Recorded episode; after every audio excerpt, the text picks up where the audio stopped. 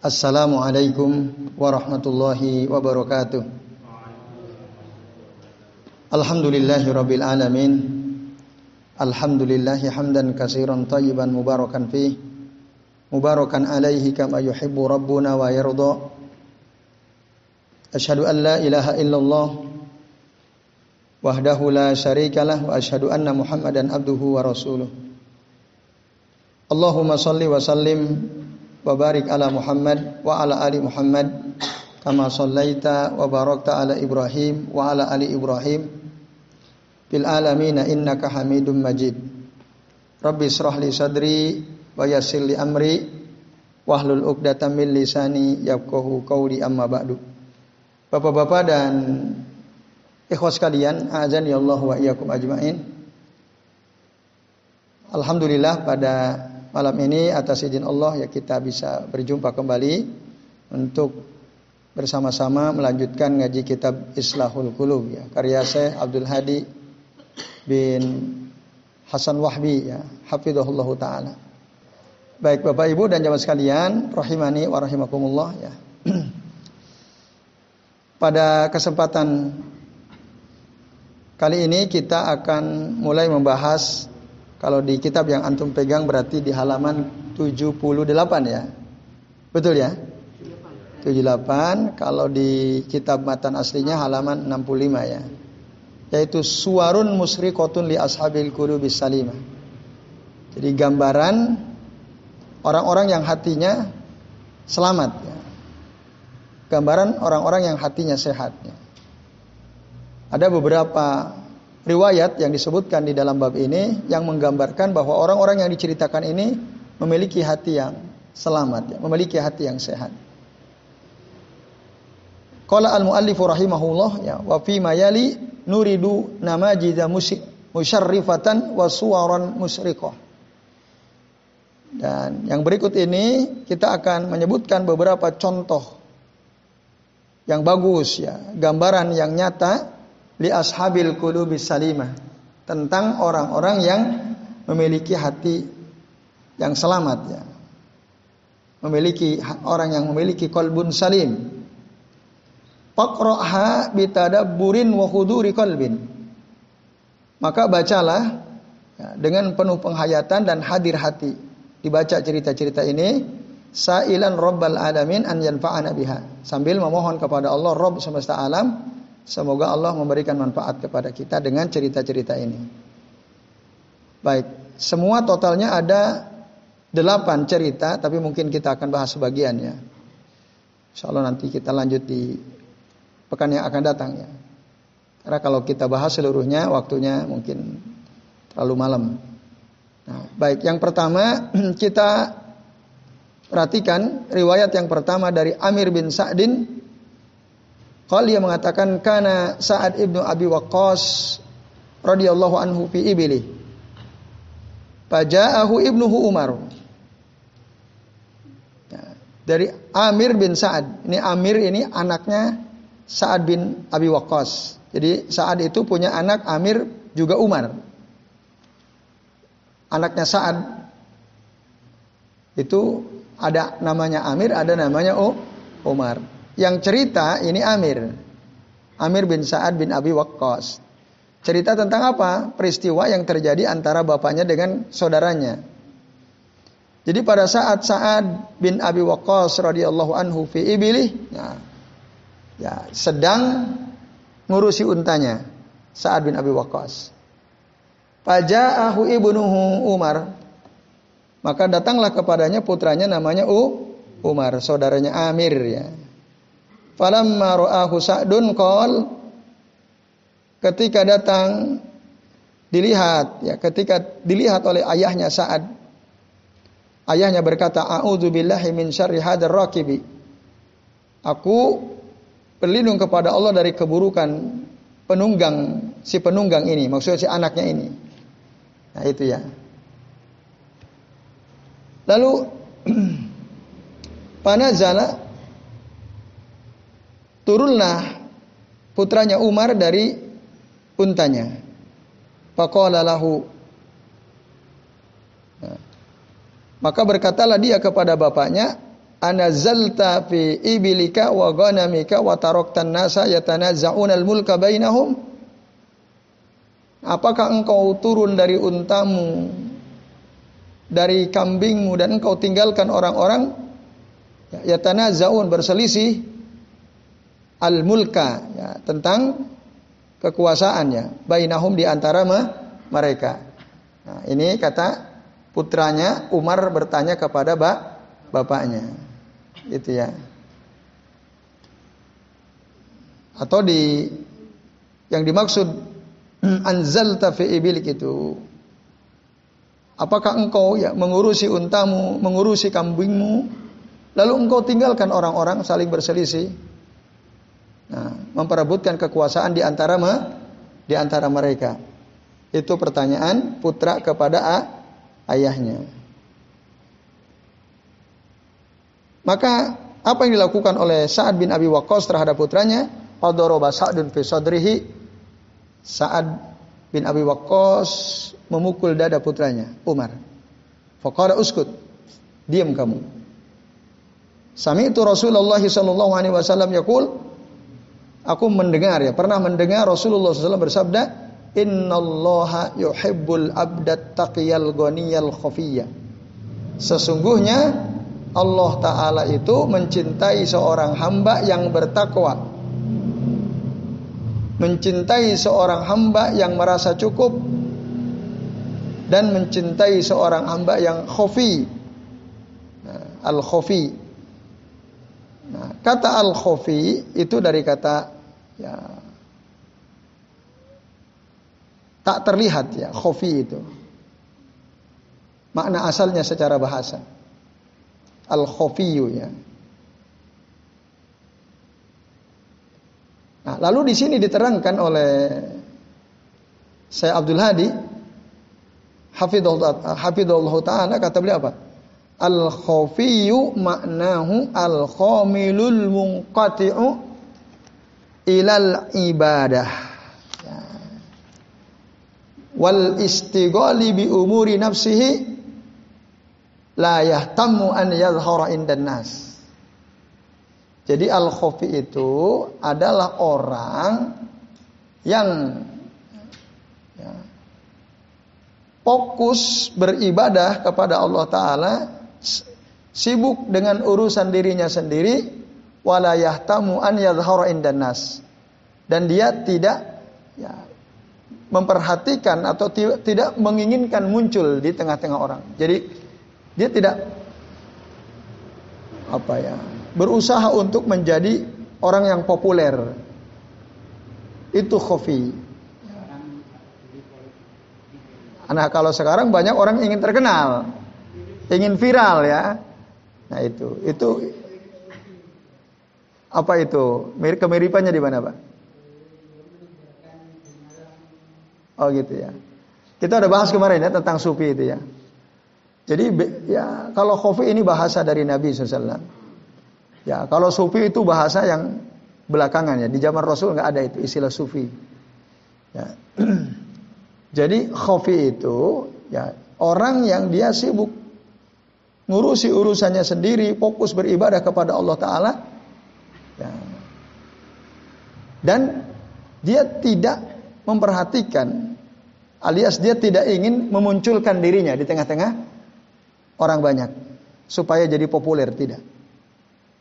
Au yusaru ilaihi bil banan atau dia tidak ingin ya agar orang-orang itu menyanjung-nyanjung dia, nunjuk-nunjuk dia gitu karena kebaikannya. Au yatahaddatsun nasu anhu, dia juga tidak ingin orang membicarakan kehebatan dirinya. Jadi insanun khafiyun la yuhibbu zuhur wala yatasaddaru li syai'in. Jadi seorang manusia yang khafi itu dia tidak menyukai ya popularitas. Dia tidak senang menjadi orang yang menonjol. Tidak. Namanya khafi ya dia uh, apa? Tadi apa sesuatu yang tersembunyi ya, yang tak terlihat. Dia nggak mau Jadi manusia yang khafi itu dia tidak suka popularitas, dia tidak suka menonjol-nonjolkan dirinya, wala yatasaddaru li syai'in. Nah, dia tidak menginginkan sesuatu yang bersifat duniawi ya. Lianna ahamma ma indahu huwa karena yang terpenting bagi orang yang khafi itu adalah mahabbatullahi lahu wa ridullahi anhu. Nah, yaitu dia dicintai oleh Allah taala dan dia diridhoi oleh Allah Subhanahu wa taala. Itulah insanun khafi. Yang yang yang dia kejar adalah cinta Allah, yang dia kejar adalah ridhonya Allah Subhanahu wa taala, bukan sanjungan manusia. Bukan decak kagum orang-orang terhadap dirinya. Bukan popularitas, bukan. Nah, maka hati-hati ya ikhlas kalian. Ini pelajaran penting buat kita ya. Bagaimana seorang sahabat Sa'ad bin Abi Waqqas begitu sangat luar biasa ya. Nah, kadang-kadang gitu kita ya ada saja seton menggoda kita supaya kita jadi ingin jadi orang yang di dikenal. Nggak perlu. Karena ukuran kehebatan orang itu bukan popularitas. Walaupun faktanya di lapangan sering kali orang memandang kalau orang populer disebut orang he, betul atau tidak? Iya. Kalau nggak populer berarti nggak hebat. Nah ini nggak benar, standarnya nggak benar ya. Belum tentu orang yang populer itu lebih baik, belum tentu. Dan belum tentu orang yang tidak populer tidak lebih baik. Terutama di sisi Allah Subhanahu wa taala. Yaitu ya kisah Sa'ad bin Abi Waqqas radhiyallahu an anhu. Nah, jadi dia nggak nggak senang tuh. Karena nanti godaannya tentu saja banyak ya orang yang populer itu, orang yang terkenal itu. Ya bisa uju bisa nah, dan seterusnya. Tapi kalau populer secara alami, ya berarti itu takdir dari Allah Taala gitu ya. Dia tidak berniat untuk menjadi orang populer, dia biasa saja. Uh -uh. Tapi Allah mentakdirkan dia menjadi orang terkenal. Karena kebaikan-kebaikannya tentu saja yang ini yang kita inginkan. Kalau terkenal dengan keburukannya nauzubillah ya. Dan ada itu orang terkenal masyhur karena kebaikannya. Selama itu muncul secara alami atas izin Allah taala, dia tidak apa ya? Tidak merekayasa dirinya gitu ya. Supaya jadi orang terkenal, dia tidak melakukan itu. Tapi takdir Allah ya menentukan bahwa ini orang terkenal gitu ya. Misalnya. Maka itu tidak ada masalah. Asal jangan u ujub ya. Dan jangan dicari-cari tadi. Piye corone supaya terkenal. Sebenarnya gampang. Kalau ingin dikenal gampang. Khalib tu'rab. Khalib tu'rab. Selisihi orang banyak maka engkau akan dikenal. Misalnya orang ada nggak orang kencing dari atas Monas? Nggak ada kan? Coba antum kencing dari atas Monas, pasti antum terkenal itu. Terkenal nggak kira-kira? terkenal ya. Khalid itu selisihi itu kebiasaan orang banyak, maka antum pasti akan dikenal. Kalau cuma ingin jadi orang terkenal, kadang-kadang kan gitu, ya nyeleneh gitu ya. Nah, kadang-kadang gitu. Hasilnya nggak bagus gitu ya, nggak bagus. Nah ini bapak ibu dan jamaah sekalian, azan ya Allah wa iyyakum ajmain. Kalau mau ya udah lakukan saja kebaikan, fokus sibuk dengan urusan kita, beribadah kepada Allah Taala. Jika Allah mentakdirkan terkenal ya sudah. Ya, itu di satu sisi disyukuri, tapi juga harus hati-hati. Ya. Baik itu yang pertama. Nah kisah kedua diceritakan oleh Abdullah bin Hamzah radhiyallahu anhu. Anna Abdullahi ibn Salam marrofisu. Bahwasanya ada seorang sahabat Abdullah bin Salam ini dulunya mantan pendeta. Ketika Rasul hijrah ke Madinah, beliau orang pertama ya, mengikrarkan dirinya masuk Islam. Abdullah bin Salam, seorang sahabat mulia. Marrofisu berjalan di pasar. Wa alaihi huzmatun wa alaihi huzmatun min hatab sambil membawa seikat kayu bakar. Fakilalah alaihi sallahu qad afaka an ada seseorang bertanya kepada Abdullah bin Salam. Bukankah Allah qad a'faka an? Ya. Telah mencukupkan engkau dari ini ya. Qad a'faka an. Nah ini pertanyaan seseorang kepada siapa? Abdullah bin bin Salam ya, radhiyallahu anhu. Nah, Bapak-bapak dan ikhwas kalian, azan ya Allah wa iyyakum ajmain. Artinya Abdullah bin Salam secara finansial sudah dicukupkan. Tidak perlu lagi aslinya beliau jualan kayu bakar gitu. Tapi kok masih melakukan? Nah, apa katanya? Qala bala, betul. Sebenarnya beliau sudah cukup. Ya. Bala. Walakin aradtu an adfa bihil kibro. Nah, akan tetapi aku ingin ya, mengusir kesombongan dari dirinya.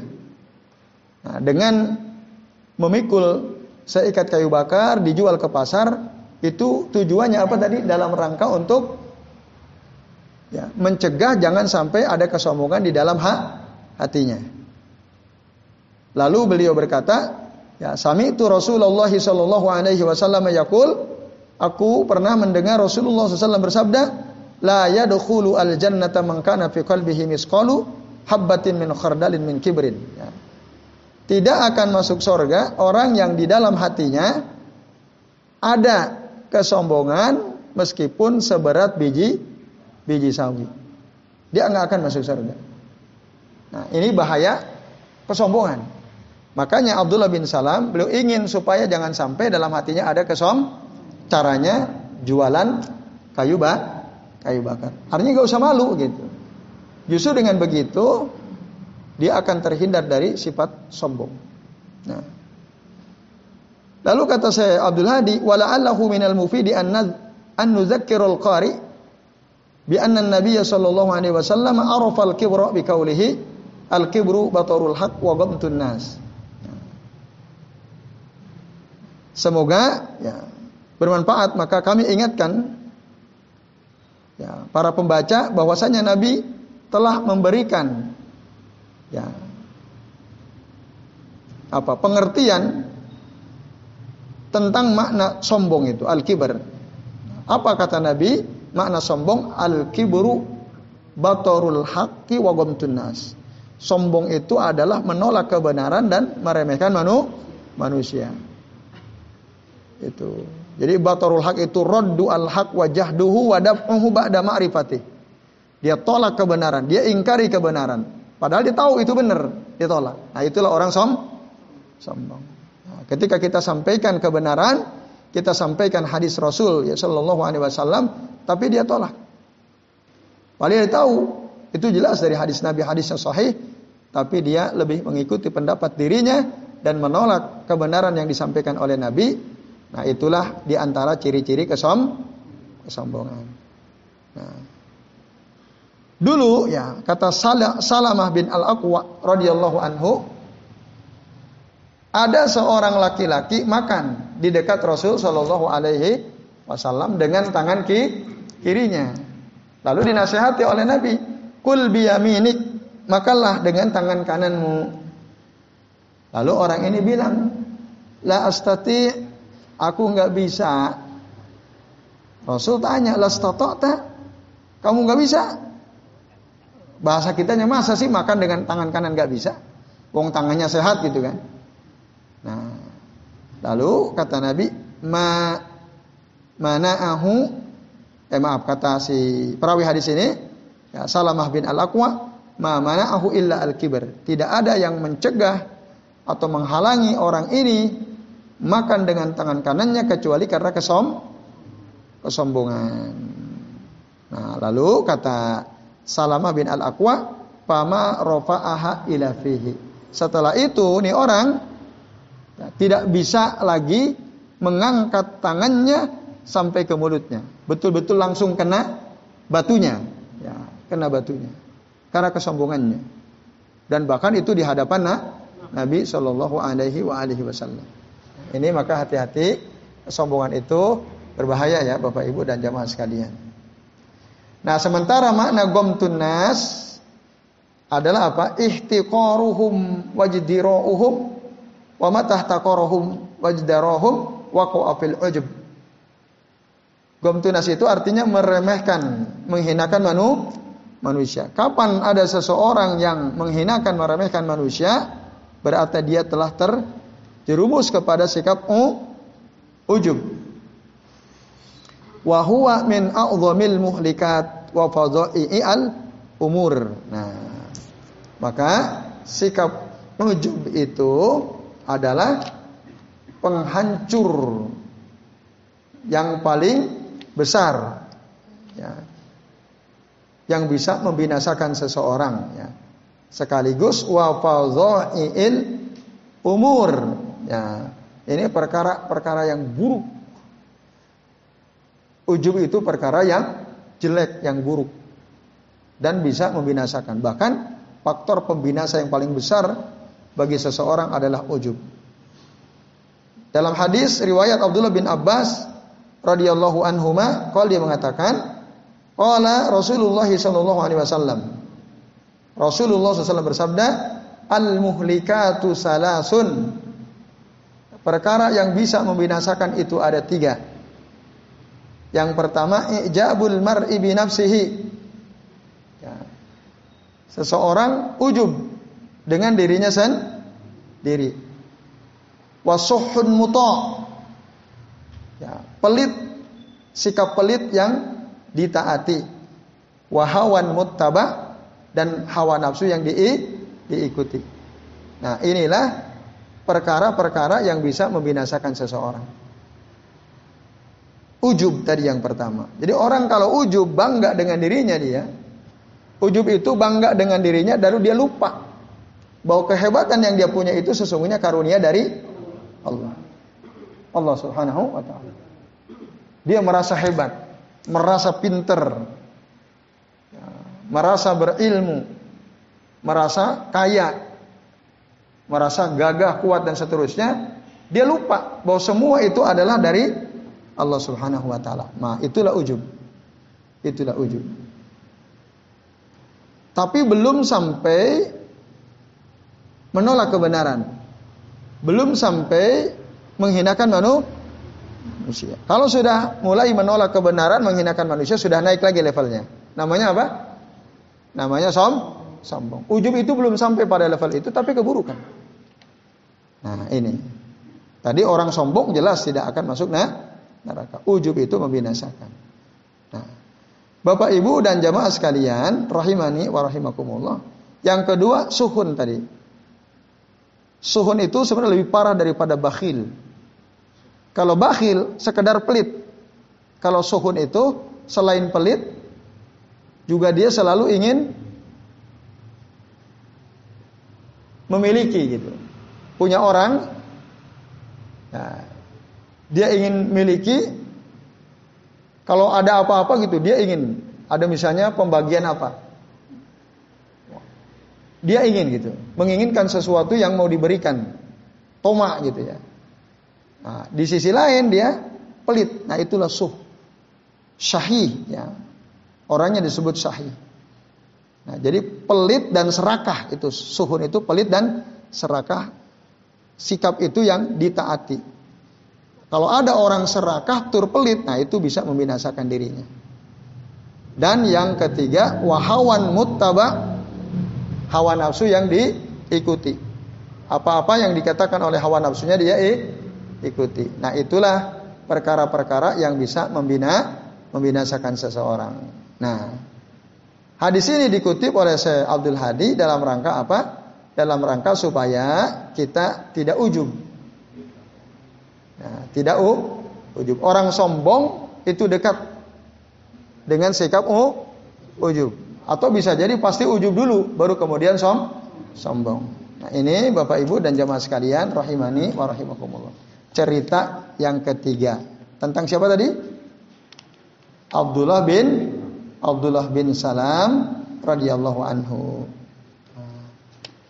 Kemudian cerita yang keempat, Bapak Ibu dan jamaah sekalian adalah Oh maaf, belum selesai. Oh tadi kedua ya? Oh ya kedua maaf. Sekarang yang ketiga ya. Yang ketiga adalah ya,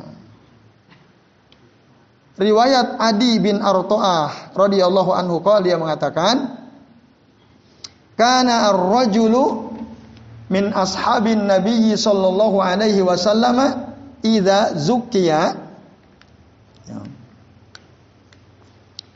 Jadi ya ada orang dan dia merupakan salah satu sahabat Nabi SAW Ida zukia apabila dipuji sahabat Nabi itu ya apabila dipuji kol dia akan berkata Allahumma la tuakhidni bima yakulun waghfirli ma la ya'lamun. Ini hadis riwayat Imam Al-Bukhari dalam kitab Al-Adab Al-Mufrad. Dalam hadis riwayat Imam Al-Baihaqi ada tambahan waj'alni khairan mimma yazunnun. Nah, ini Bapak Ibu dan sekalian ya. Jadi sahabat Nabi itu kalau ada orang muji berdoa. Sebenarnya ada dua alternatif yang bisa dilakukan ya. Kalau kita dipuji oleh orang. Pujian orang itu membinasakan. Maka pernah suatu ketika ada orang memuji seseorang di hadapan Rasulullah SAW. Jadi di situ ada Nabi, ada sahabat, ada sahabat di situ. Si A ini memuji si B di hadapan si B dan di situ ada Nabi Shallallahu Alaihi Wasallam. Apa kata Nabi? Wahai kod kotok tak unuku sahibik. Celakalah engkau, engkau telah memotong leher saudaramu san sendiri. Karena apa? Memuji langsung di hadapannya. Nah itu. Maka di dalam riwayat yang lain Rasul menyuruh kalau ada orang memuji kita, ambillah debu lalu lempar wajahnya dengan debu itu. Lempar. Dan itu pernah terjadi gitu. Ada orang memuji-muji kalau tidak salah Utsman bin Affan radhiyallahu anhu ya. Lalu kemudian si sahabat itu ngambil debu dilemparkan ke wajah orang yang memuji-muji Utsman. Nah, dan ketika diprotes, kenapa kamu lakukan ini? Karena aku pernah mendengar Rasulullah SAW bahwa kalau ada orang muji lempar saja wajahnya dengan de, debu.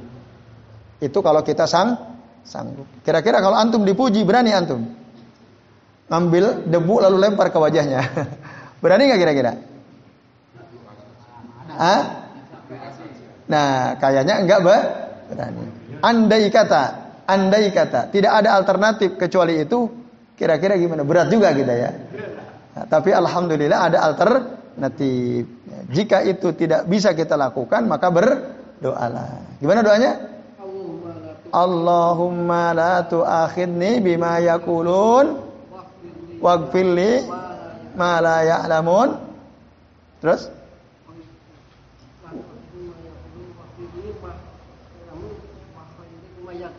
Waj'alni khairan mimma yazunnun. Itu dalam riwayat yang lain ini ada tambahan. Apa artinya Allahumma la tu'akhidni bima yakulun? Ya Allah, janganlah engkau azab aku dengan apa yang mereka katakan. Waghfir lima la ya'lamun. Ampunilah aku ya. Ma la ya'lamun ya. Dengan sesuatu yang mereka nggak tahu. Kita kan dipuji nih sama, sama orang. Pujian orang bisa membuat kita oh, ujub. Makanya doanya, jangan engkau azab aku dengan apa yang mereka katakan. Artinya kita mohon dijauhkan dari sikap ujub. Ketika mereka puji-puji kita, muncul ujub. Nah, itu menjadi sebab kita disiksa.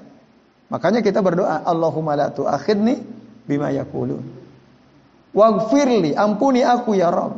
Mala ya'lamun. Dari apa yang mereka tidak tahu. Kita di depan orang banyak kelihatannya orang soleh. Ya atau tidak? Tampilannya luar biasa. Ya, ngomongnya halusnya luar biasa. Tawaduknya luar biasa. Tapi ketika teman kita nggak tahu, kita lagi sendiri, kacaunya luar biasa juga. Kan orang nggak tahu. Ada nggak teman kita yang tahu diri kita selama 24 jam? Tidak. Paling kita ketemunya cuma satu jam setengah, dua jam paling lama. Habis itu pisah kan? Sendiri san, sendiri. Orang muji kita, Orang muji kita. Apa dia tahu semua tentang kita? Enggak. Padahal banyak sekali keburukan-keburukan kita. Makanya waqfirli ampuni aku ya ya Rob malah ya'lamun. Dengan sesuatu yang mereka nggak tahu. Mereka puji saya, sebenarnya saya ini orang rusak ya Rob. Saya ini banyak dosa ya Rob. Ampuni saya ya Rob. Nah itu. Nah, yang terakhir tidak kalah penting dari riwayat Imam Al-Baihaqi, waj'alni khairan mimma yazunnun. Jadikanlah aku ini ya Rob lebih baik daripada apa yang mereka kira. Dasar kan? Mereka ngiranya, wah antum pinter banget sih. Jadikan kita lebih baik daripada apa yang disangka oleh orang. Mimma yazunnun. Yazunnun. Dari kata zon. Oh, ya boleh nanti kalau Mas Fajar ada di share di grup ya. Iya sudah pernah. Tapi manusia kan suka lupa ya. Nah ini ya. Soalnya jarang dipu jarang dipuji barangkali ya. Kalau sering-sering dipuji, kita sering baca doa ini. Kalau jarang dipuji, kapan baca doa? Malah bahkan berharap dipuji gitu ya. Nah dulu para sahabat begitu. Apabila dipuji orang, mereka berdoa. Yuk bareng-bareng. Allahumma, la tu'akhidni bima yakulun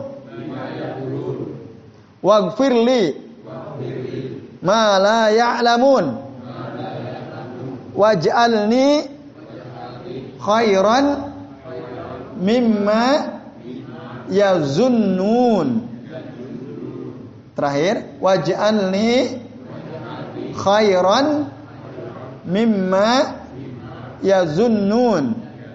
Nah itu. Yang tidak ada di kitab itu ya. Tapi ada dalam hadis riwayat Imam Al Baihaqi nah hafal belum? Coba ayo. Allahumma la tu'akhidni bima yakulun waghfirli ma la ya'lamun waj'alni khairan mimma yazunnun nah, Bapak Ibu dan jamaah sekalian ini penting dihafalin Mungkin jarang, tapi kadang-kadang kan ada yang muji kita ya. Kadang-kadang ada yang muji kita. Ucapkan ini. Ah boleh. Kalau belum hafal buka apa? Saya, saya, saya. Antum ngomong apa tadi? Dia muji lagi. Langsung antum berdoa. Boleh nggak kedengeran doanya? Boleh. Supaya dia paham. Itu. Tapi dalam hati boleh? Boleh juga. Tapi lebih baik kalau dia belum tahu kita ucapkan sehingga dia dengar ya. Itu. Allahumma la tu'akhidni bima yakulun waghfir lima la ya'lamun waj'alni khairan mimma yazunnun. Tadi ditanya, antum doa apa? Nah, kita kasih tahu ini doa kalau ya aku dipuji oleh orang. Karena dipuji-puji itu berbah berbahaya. Doa untuk memproteksi diri kita supaya tidak ujub ini. Doa supaya kita diampuni dengan dosa-dosa yang kita lakukan tanpa diketahui oleh orang. Ini. Doa ya supaya kita dijadikan lebih baik. Daripada apa yang dikira oleh orang juga adalah eh, ini. Gabungan hadis dari riwayat Imam Al-Bukhari dalam kitab Al-Adab Al-Mufrad dan dalam kitab ya, Al-Baihaqi. Rawahu Al-Baihaqi. Baik. Bapak Ibu dan sekalian, azan ya Allahu wa ajmain, itu cerita yang ketiga Ketiga tentang sahabat-sahabat nah, Nabi Shallallahu Alaihi Wasallam. Cerita keempat. Nah ini penting nih. Cerita Umar. Walamma tu'ina al-khalifatur rasyidu Umar bin al-Khattabi radhiyallahu anhu.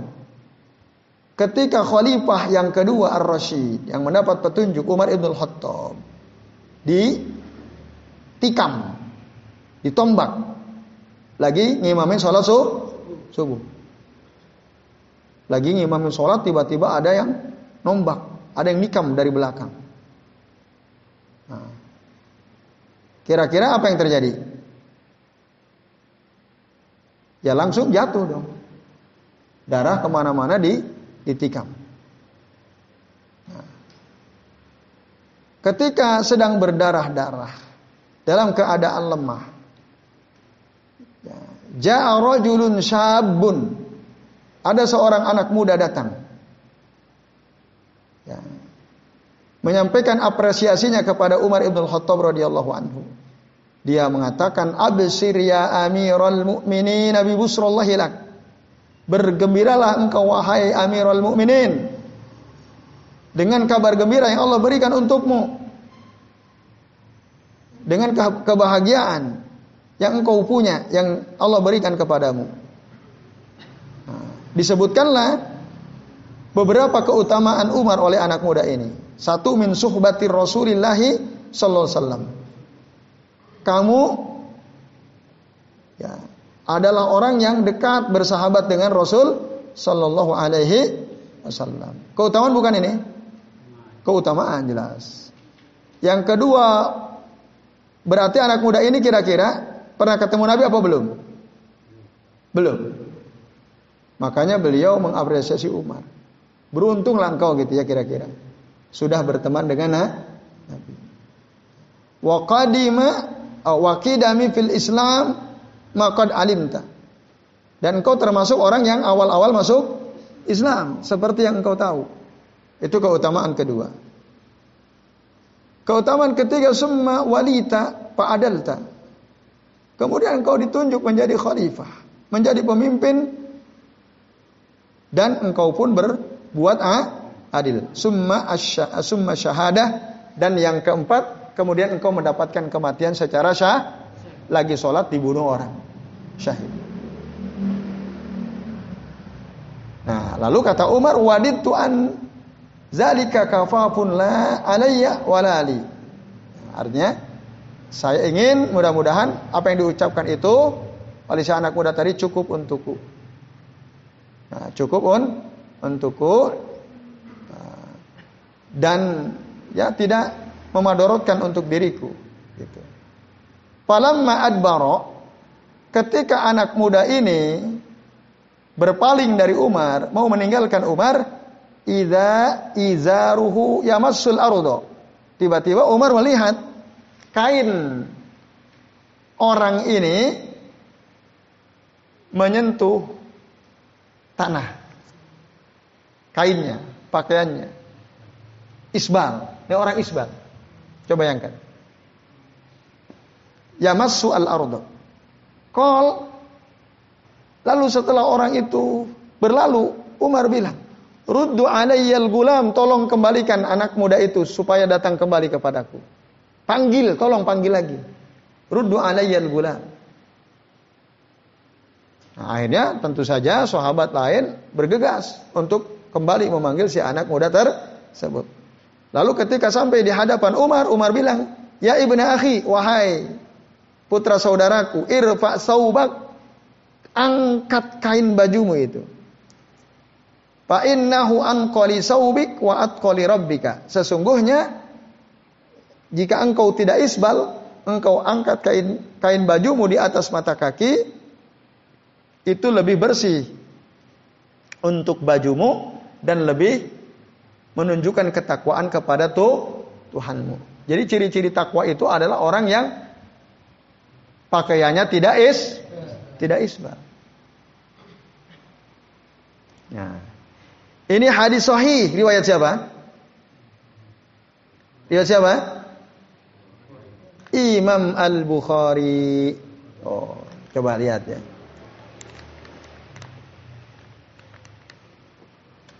Isbal itu kemungkaran apa bukan? Kemungkaran apa bukan? Kemungkaran. Ada nggak di antara kita yang masih isbal? Kalau ada berarti antum masih berbuat mung mungkar. Ya. Kemungkaran.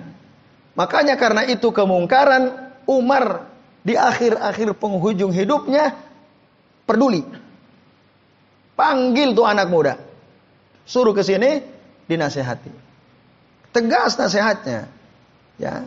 Kata Umar, ya ibnu akhi irfa saubaka fa innahu atqali sau eh, anqali saubika wa atqali rabbika. Apa pelajaran penting dari cerita ini di masa-masa kritis Umar sudah menjelang detik-detik kematiannya. Nah, ya lahu min mauqifi ma ajalah Umarul Farruku radhiyallahu anhu sahibul qalbis salim lam yatrukil amra bil ma'rufi wan nahya anil wan nahya anil munkari. Nah, ini ya. Bapak-bapak, ibu-ibu dan jamaah sekalian, azan ya Allahu wa iyyakum ajmain. Jadi sungguh mulia sikap Umar Al-Faruq. Orang yang memiliki hati yang salim, yang bersih, yang sehat. Beliau tidak meninggalkan amar ma'ruf nahi mungkar meskipun dalam keadaan sudah mau mening meninggal. Darah keluar banyak, sudah hampir kehabisan darah. Manggil dokter ambulannya mungkin nggak ada dulu ya. Nah, dokter mungkin juga masih jarang gitu ya. Udah parah keadaannya. Tapi beliau masih tetap menyampaikan amar ma'ruf dan mencegah kemung kemungkaran. Nah, apa yang beliau lakukan adalah dalam rangka mentaati sabda Nabi SAW di mana beliau pernah mengatakan man ro'a minkum mungkaran pal yugayyirhu biyadihi Barang siapa di antara kalian melihat ada kemungkaran maka cegahlah dengan dak ta, tangannya. Fa illam yastati fabilisani kalau dia tidak bisa mencegah kemungkaran itu dengan tangannya maka rubahlah dengan lisan lisannya nasihati. Fa illam yastati nasihati secara lisan kok enggak bisa juga Nah, maka pabi qalbihi ingkarilah dengan hak hati wazalika ada aful iman. Tapi itulah sebu, se, selemah-lemah iman. Ada aful iman. Nah, Bapak Ibu dan jamaah sekalian, azan ya Allah wa iyyakum ajmain. Jadi kemungkaran itu harus diingkari, dicegah, dihentikan. Sebisa mung Mungkin. Kalau dengan tangan bisa lakukan. Enggak bisa dengan tangan dengan li, lisan. Sampaikan dengan lisan. Nah, itu. Kalau enggak bisa juga, ya setidaknya diingkari dengan ha, hati. Karena kalau kita tidak mengingkari sama sekali, nah itu berarti menunjukkan kalau kita ini tidak punya i, ada kemungkaran kita diamin. Saya kira kebanyakan kita imannya lemah. Betul atau enggak? Pernah enggak antum lihat wanita muslimah dengan pakaian yang tidak syar'i, tidak menutup aurat? Pernah enggak? Sering atau pernah? Antum ingkari atau tidak? Coba. Paling hanya menggerutu dalam hati atau jangan-jangan hati pun enggak. Nah, itu kan. Ah, oh itu parah lagi ya. Mengingkari tapi diincengi atau diinceri ya. Nah ini wah repot itu ya. Ber, nah berarti itu hati kita, iman kita dalam hati kita lah lemah. Harusnya kita datangi. Mbak, Bu, nun sewu aja. Jenengan muslimah? Iya saya muslimah. Tolong berpakaian yang syar'i, nggak boleh begini ini. Kira-kira kalau kita nasihati begitu dibilang apa kita? Ah. Malah diketawain mungkin ya. Nah, masya Allah. Itu. Uh -uh. Nah, jadi yang dimaksud empat mata itu maknanya ya termasuk juga kan kalau cerita kita apa hadis tentang kalau mau menasihati memimpin patah itu tarik tangannya ke ruangan tertutup hanya ada kita dan dia. Nah, jadi dalam konteks berbeda menasehati orang adabnya memang ya tidak ada yang tahu kecuali kita dan dia. Maka antum nasihati nggak usah teriak-teriak. Gitu. Tetap di ruang terbuka ada orang lihat, cuman kita pelan-pelan ngomong. Itu. Jadi jangan tarik dulu. Ya, itu antum udah ada harum itu antum narik ya. Nah, jadi cukup antum nasihati mbak, pelan-pelan aja. Cuma dia yang dengar non sewu. Ini nggak boleh loh. Tapi ada yang berani kayak gitu ada. Saya punya teman dulu luar biasa, berani dia. Cuman dianggap oleh teman-teman nih orang aneh gitu. Wah itu kan kacau ya.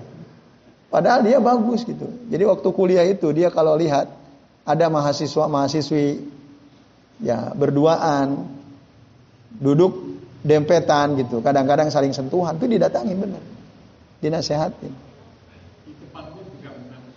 Hah? Iya. Iya. Iya. Oh, maksudnya antum mau cerita ada orang berani di, di tempat umum. Ah. Ah. Ah, terus?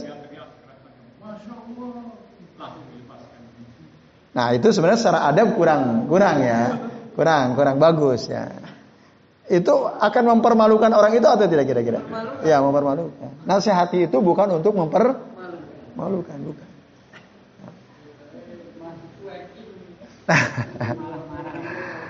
Iya. Gimana?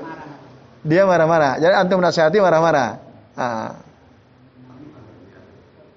Ah, ini ah. ah. ah, ah. Nah. Terus kalau antum dimarahi gimana tuh? Nasihatin terus dimarahi. Apa apa sikap antum berikutnya? Oh gitu ya. Ya, kalau kita nasihati dimarahin, sampaikan dah ilmu dalil. Nah, eh udah disampaikan dalil, masih marah-marah tinggalin ya. Udah syaiton berarti itu ya. Udah disampaikan ilmu kok malah marah mah marah. Nah, baik. Jadi tadi yang perlu digarisbawahi Bapak-bapak dan ikhwas sekalian ya, bahwa mengingkari kemungkaran itu wajib gitu. Mengingkari kemungkaran itu hukumnya wa, wajib. Fardu ain ya, setiap orang wajib mengingkari ke, kemungkaran. Tapi tentu sesuai dengan kemampuan masing-masing gitu ya. Jangan sampai ya, jangan sampai biasa aja, tidak ada sikap mengingkari. Nah itu. Maka tadi kan banyak kemungkaran yang kita lihat di hadapan kita. Minimal tadi hati kita. Astagfirullah, ini orang kok nggak paham apa biaya kan gitu. Minimal begitu. Nah, kalau kita masih mengingkari dalam hati, masih punya iman atau tidak? Masih. Tapi lah, tapi kalau kita biasa aja, hati pun tak mengingkari, ah itu berarti kita udah nggak punya iman. Nah, apalagi menikmati, wah oh, itu lebih parah lagi. Ya, itu betul-betul memang nggak punya eh, nggak punya iman. Jelas ya Bapak Ibu dan jamaah sekalian. Nah, nah itu apa penjelasan tambahan dari cerita yang keempat, yang terakhir. Ya. Dari Atha bin Abi Rabah radhiyallahu uh, Atha bin Abi Rabah rahimahullah kalau dia mengatakan qala li Ibnu Abbasin radhiyallahu anhuma berkata kepadaku Abdullah bin Abbas radhiyallahu anhuma apa kata Abdullah bin Abbas ala urika imra'atan min ahlil jannah. Mau enggak kamu ku kasih tahu seorang wanita penduduk sorga? Nah, boleh enggak kita memastikan nih orang masuk sorga? Boleh atau tidak? Tidak, boh. Lah kok Abdullah bin Abbas berani? Karena sudah mendapatkan ketentuan dari Nabi Shallallahu Alaihi Wasallam bahwa wanita ini masuk surga. Nah, makanya Abdullah bin Abbas berani. Mau nggak aku kasih tahu? Ada seorang wanita penduduk sorga. Tentu saja, atau bin Abi Robah mau. Ya. Kultu bala. Aku bilang, J, saya pengen tahu mana itu wanita penduduk sorga. Nah, lalu kata Abdul bin Abbas, hadhil mar'atu sauda. Ini dia seorang wanita yang berkulit hitam. Atatin Nabi sallallahu alaihi wasallam faqalat. Beliau datang menghadap Nabi sallallahu alaihi wasallam lalu beliau berkata kepada Nabi, "Inni usra'u." Saya ini punya penyakit ayan ya Rasulullah. Kadang-kadang ayannya kambuh. Wa inni atakasyaf, atakasyaf. Kalau pas penyakit ayanku kambuh, auratku nampak kelihatan auratku. Kan orang ayan nggak sadar kan? Saya pernah tuh di angkringan, pas beli angkringan tiba-tiba buruk jatuh. Uh, bingung semua kita. Ada orang dia habis beli angkringan, jatuh semua orang kaget. Kelopor-kelopor gitu. Tak kira tadinya saya kira mabok gitu ya, orang mabok. Ternyata ayan.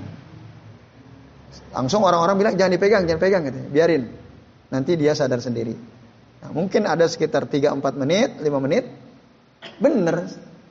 Sadar lagi, berdiri lagi. ya Rob, kasihan gitu ya ngelihat orang ayan itu. Nah. Nah, si wanita ini dia punya penyakit ayan. Sering kambuh, pas kambuh, ya, kan nggak sadar auratnya kebuka. Nah, Lalu beliau minta kepada Nabi Shallallahu Alaihi Wasallam, Padullah Ali, berdoalah engkau kepadaku supaya aku ini sembuh dari penyakit a ayanku. Nauzubillahi min dalik ya. Kita mohon perlindungan kepada Allah Taala. Semoga kita, keluarga kita, anak-anak kita, istri kita, anak keturunan kita tidak tidak ada yang kena penyakit ayan. Amin ya robbal alamin. Dijauhkan Allah. Nah, karena berat. Apa kata Nabi? Kalau in syi'ti sobarti walakil jannah. Nah ini. Kalau engkau mau, engkau bersabar wahai fulanah, maka engkau akan dapat surga. Nah ini jaminan Rasul. Jadi kalau engkau sabar, engkau akan dapat surga. Wa in tapi kalau engkau mau da'autullah an yu'afiyaki.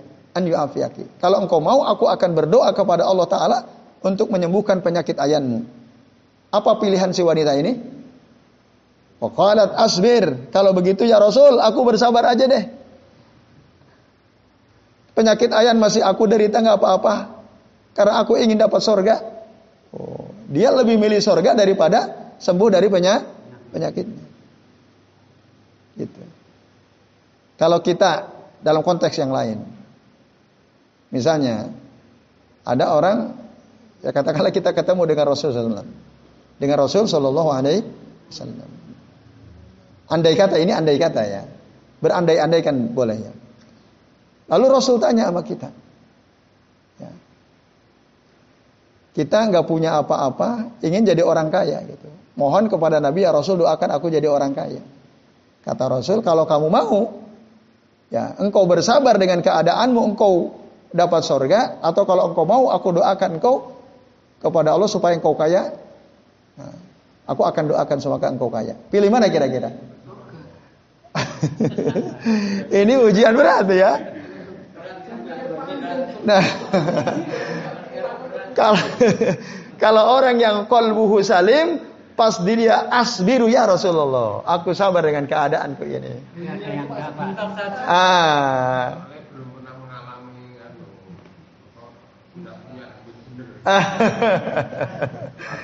Bagaimana beratnya nggak punya duit gitu ya.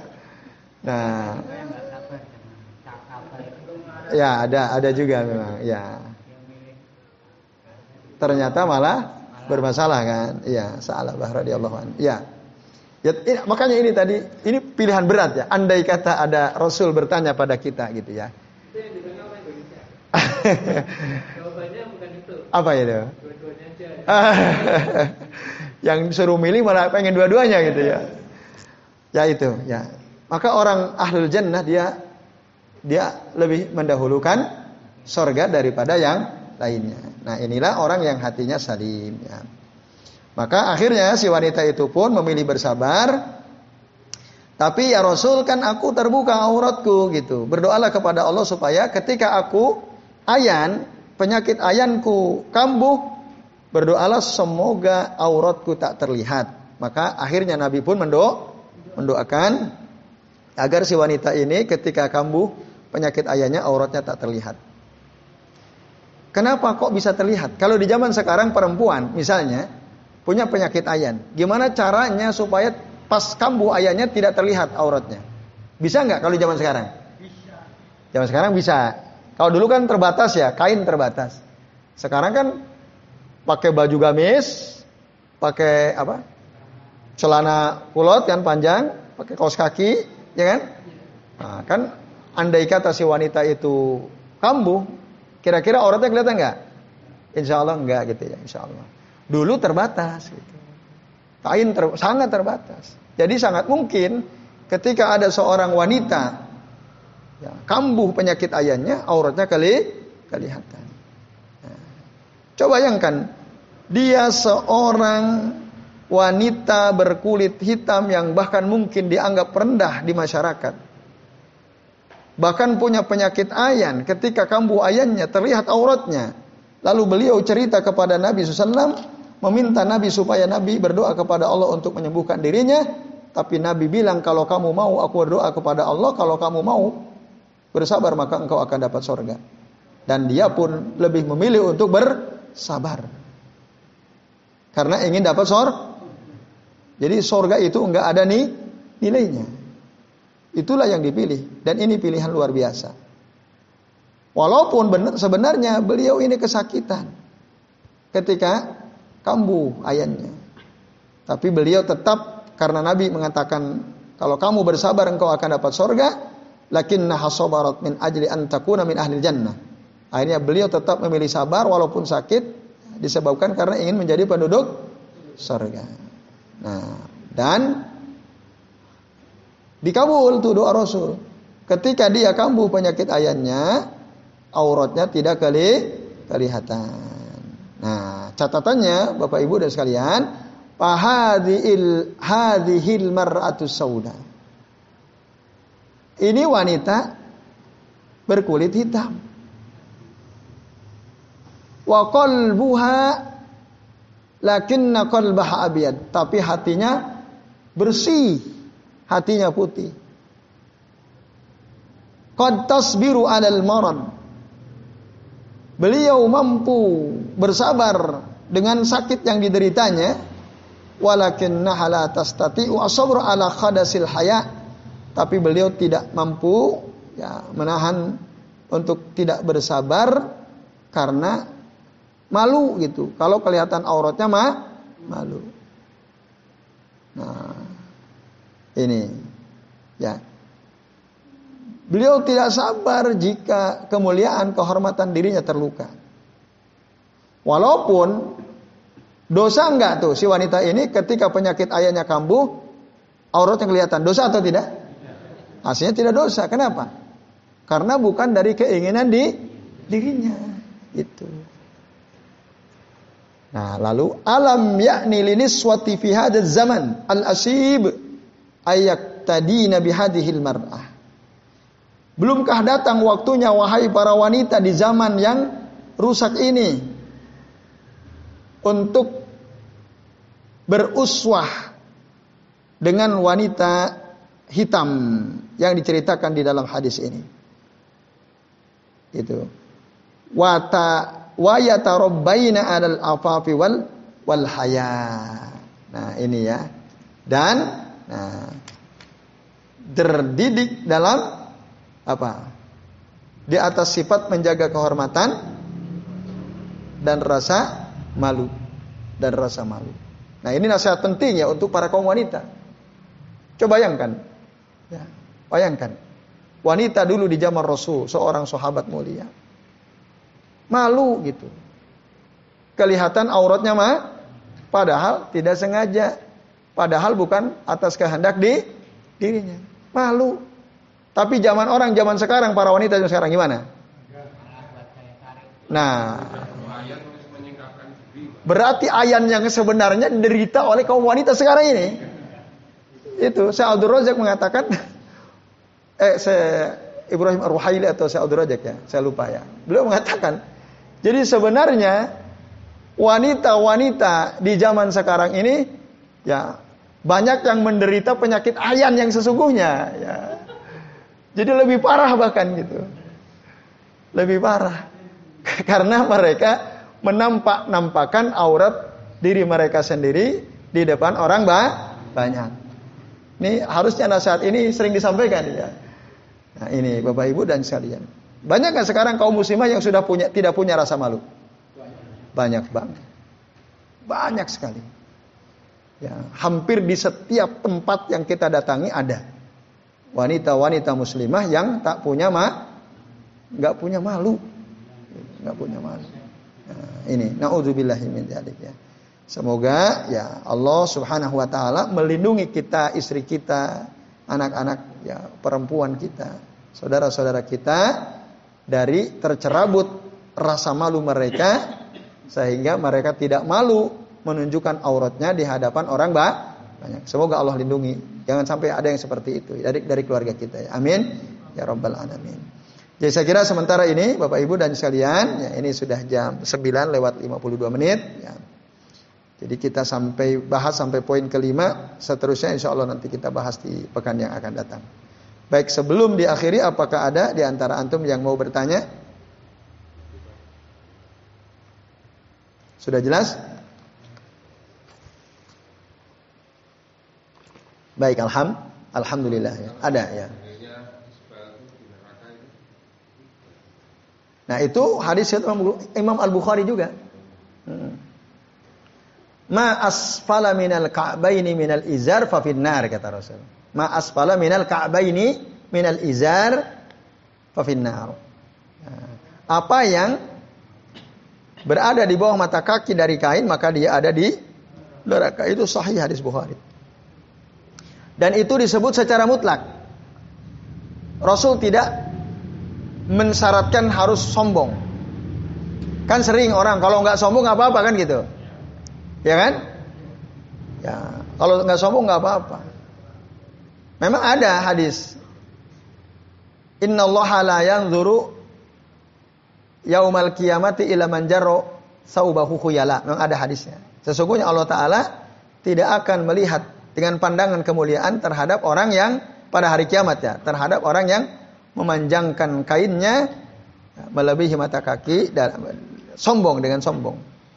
Nah orang banyak apa berpatokan pada hadis itu gitu ya. Oh, oh sombongnya. Padahal nanti ada hadis yang lain. Iyyakum wal isbal fa innahu minal makhilah. Jauhi oleh kalian isbal karena sesungguhnya isbal itu bagian dari kesombongan. Isbal itu minal makhilah. Itu. Coba gimana coba Mem mengkompromikan hadis ini kan? Nah, jadi isbal itu sendiri adalah bagian dari kesombongan. Udah isbal sombong, oh, lebih parah lagi gitu. Itu lebih parah lagi. Maka ikhwas kalian, azan ya Allah wa. Ini hadis sahih. Hadis Umar Ibn Al-Khattab radhiyallahu anhu, sahih riwayat Imam Bukhari juga. Gimana tadi ceritanya Umar? Masih ingat gak? Oh, oh. Ya.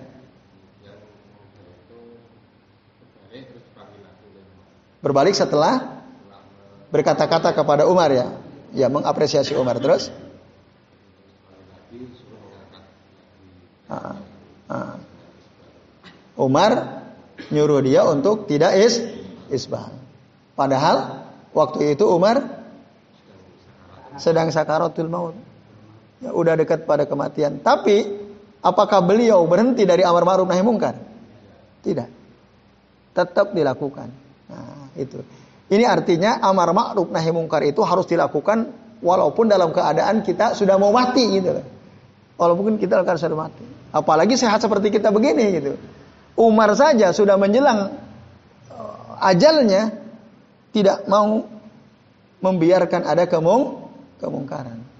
Nah, itu itu itu yang poin penting yang mungkin kebanyakan kita berat gitu ya melakukan, tapi harusnya tidak berat. Jadi itu Pak Wikan. Iya, menurut sebagian ulama haram. Menurut sebagian ulama, isbal itu ha, haram. Bapak-bapak dan ibu-ibu serta ikhwas sekalian. Iya, diputar-putar kalau orang sombong itu. Nah, nah itu itu bahayanya is isbal. Jadi itu semoga ya bapak-bapak, ibu-ibu dan ikhwas sekalian kita digampangkan untuk nerima ini. Kadang-kadang kan banyak orang berat gitu ya. Berat. Ya tadi karena ada hadis it, apa? Allah tidak akan memandang seseorang dengan pandang kemudian pada hari kiamat yang memanjangkan kain kainnya di bawah mata kaki dalam keadaan som sombong. Hanya pada hadis itu. Padahal ada hadis-hadis yang yang lain. Jadi itu bapak-bapak, ibu-ibu dan sekalian ya semoga Allah permudah kita ya untuk bisa mengamalkan ini. Amin ya robbal alamin. Baik, cukup ya? Saya kira cukup. Semoga bisa diamalkan ya. Semoga kita bisa contoh ya, contoh apa e, beberapa kisah ya tokoh-tokoh yang menunjukkan betapa hati mereka itu sah, ya, sangat selamat ya, sangat sehat ya. Kolbun salim ya, kolbuhu salim. Baik, ini saja yang bisa kita bahas. Terima kasih atas perhatiannya. Sebelum waktu saya kembalikan ke Mas Yoyo, kami akhiri wasallallahu ala Muhammadin wa ala alihi wa sahbihi wa baraka wa sallama alaihim ajmain. Billahi taufiq wal hidayah. Wassalamualaikum warahmatullahi wabarakatuh.